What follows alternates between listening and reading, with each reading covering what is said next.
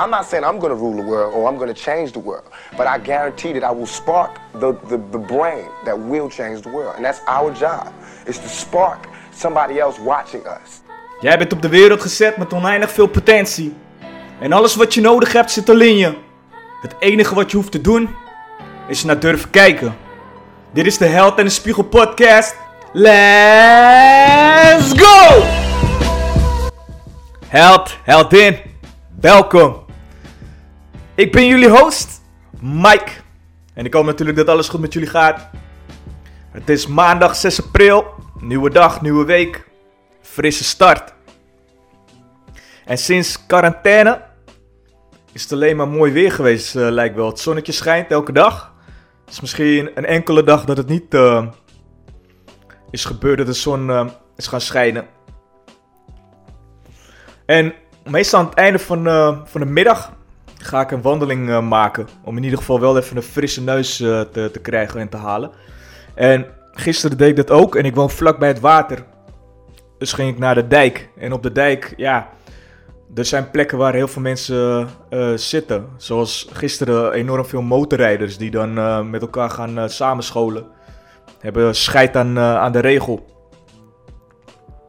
Wat ik niet begrijp, want er zijn nog steeds mensen die aan de dood, die aan het dood gaan zijn vanwege corona.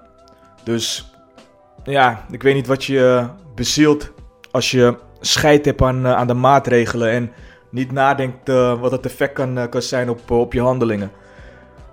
Maar los van dat, ik ben heel eventjes naar, naar het water gegaan met mijn vriendin. Daar was helemaal niemand. En toen waren we aan het evalueren. 2020. en wat valt er te evalueren? Maar ja, ik heb natuurlijk doelen gesteld. Dat doe ik elk jaar, elke maand, elke dag, elke week.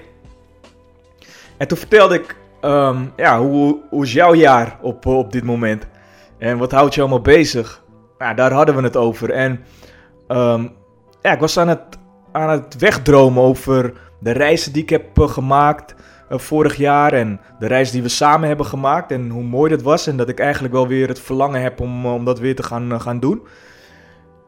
En ik heb, voordat we gingen zitten, heb ik ook in mijn journal, mijn oude journal, heb ik gekeken. En toen was ik aan het terugkijken wat we allemaal hadden gedaan. Mooie steden die we hadden gezien, mooie landen die we hadden bezocht, maar ook gewoon de groei en ontwikkeling die ik heb, heb meegemaakt. En zowel in mezelf, door zoveel mogelijk rotzooi op te ruimen, maar ook weer mezelf te ontwikkelen en te groeien. En dat is dan wanneer dankbaarheid komt, naar voren komt, tevoorschijn komt. Dat je weet van oké, dus dit zijn de dingen die, die zo vanzelfsprekend zijn, maar eigenlijk niet zijn. Want life happens. Je kan dingen plannen, je kan doelen stellen en vervolgens, ja, je hebt geen idee wat er gaat, gaat gebeuren zoals, zoals nu. En waar ik het wel mee te doen heb, is eigenlijk de ondernemers die, uh, en nog meer bedrijven hoor, of mensen die een baan hebben en die, um, waarvan hun contract niet wordt verlengd, of mensen die net ontslagen zijn, of misschien ja, gewoon ondernemers die hun leven erin hebben ge ge gegooid en het bedrijf is ook hun leven. Vervolgens kunnen ze hun hoofd niet boven water houden. Ja, dat vind ik natuurlijk verschrikkelijk. En de keerzijde, de andere kant van de medaille, is dat er ook bedrijven zijn die gewoon het supergoed doen nu.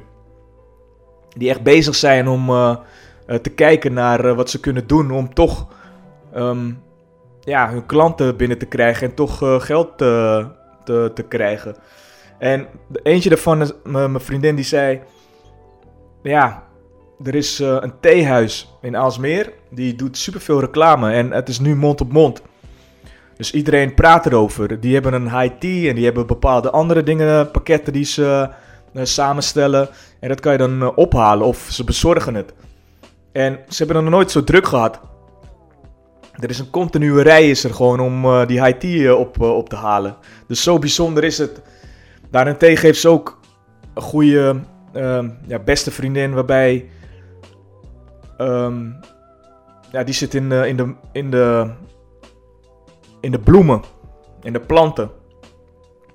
En die heeft het op dit moment heel zwaar. En ja, dat, dat is gewoon, dat vind ik gewoon heel erg. Maar dat deed me wel nadenken over het thema en het onderwerp van, van vandaag.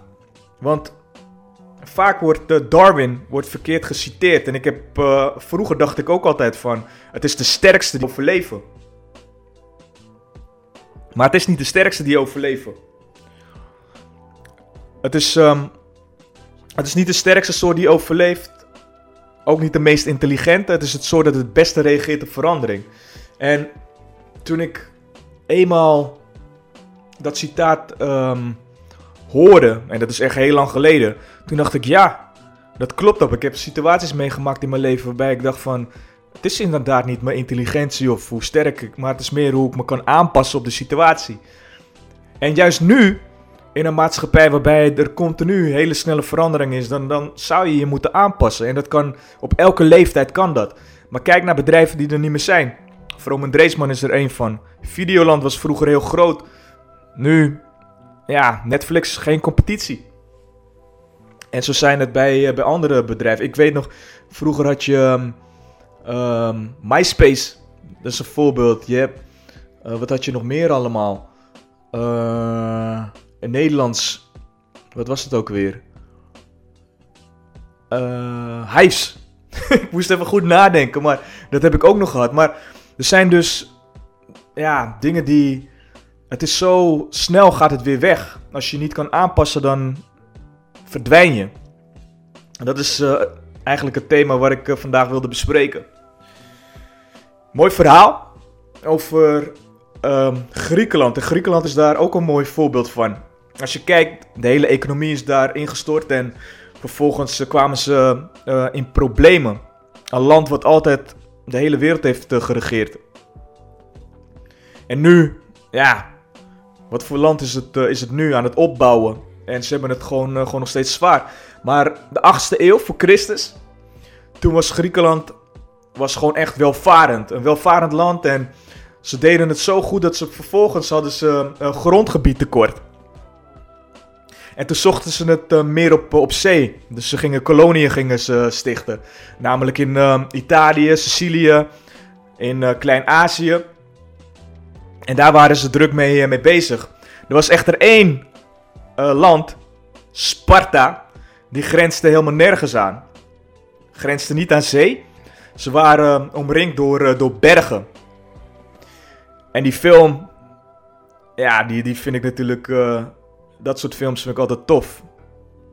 Waar Sparta mee bezig was, was de krijgskunst. En ze gingen, uh, gebieden gingen ze uh, aanvallen. En het enige wat ze deden was dat behouden en dan um, zichzelf verdedigen. Maar ze, hadden ze waren tegen ja, stammen of tegen landen die tien keer zo groot uh, was dan, dan hun. Dus ze waren continu bezig om de, de krijgskunst steeds ja, krachtiger te maken voor zichzelf. En het enige wat ze deden was dat. Gewoon vechten. Zevenjarige jongens die werden van hun uh, ouders uh, weggehaald. En die moesten gewoon de, ja, de krijgskunst gaan, uh, gaan leren. En als ze het niet konden omdat ze te zwak waren, werden ze in een grot gestopt. En ja, mochten ze het uitzoeken. Sparta had op dat moment ook um, geen geldsysteem of geen handel. Het was gewoon niet toegestaan in, in Sparta, omdat ze dachten van ja, het zou zelfzucht kunnen, kunnen ja, ontstaan daardoor. Of uh, misschien iets anders. Misschien zou de, zelfs de krijgsdiscipline die we nu hanteren kunnen ondermijnen. Dat we ons daar niet meer op, op focussen, maar op, op andere dingen. Dus Sparta wilde gewoon echt letterlijk dat ze zich focusten op uh, de krijgskunst. En de enige manier waarbij ze geld verdienden was, uh, was landbouw. En daar hadden ze ook nog een slaven hadden ze daarvoor. Dus ze wilden het grootste landleger uh, wilden ze smeden. Ja, en daar versloegen ze echt letterlijk legers die tien keer groter waren dan, uh, dan hun. Daar waren ze echt, uh, echt goed in.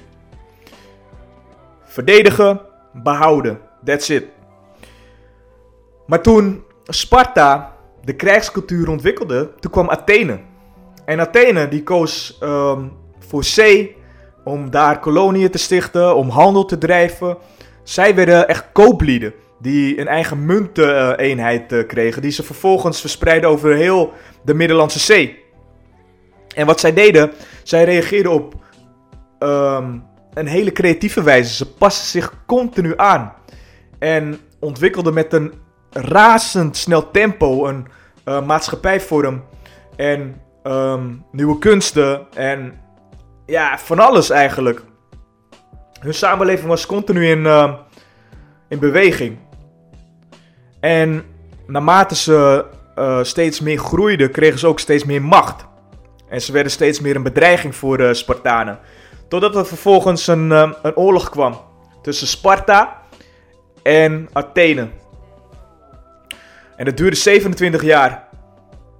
En vervolgens, uiteindelijk won Sparta, het oorlogsmachine.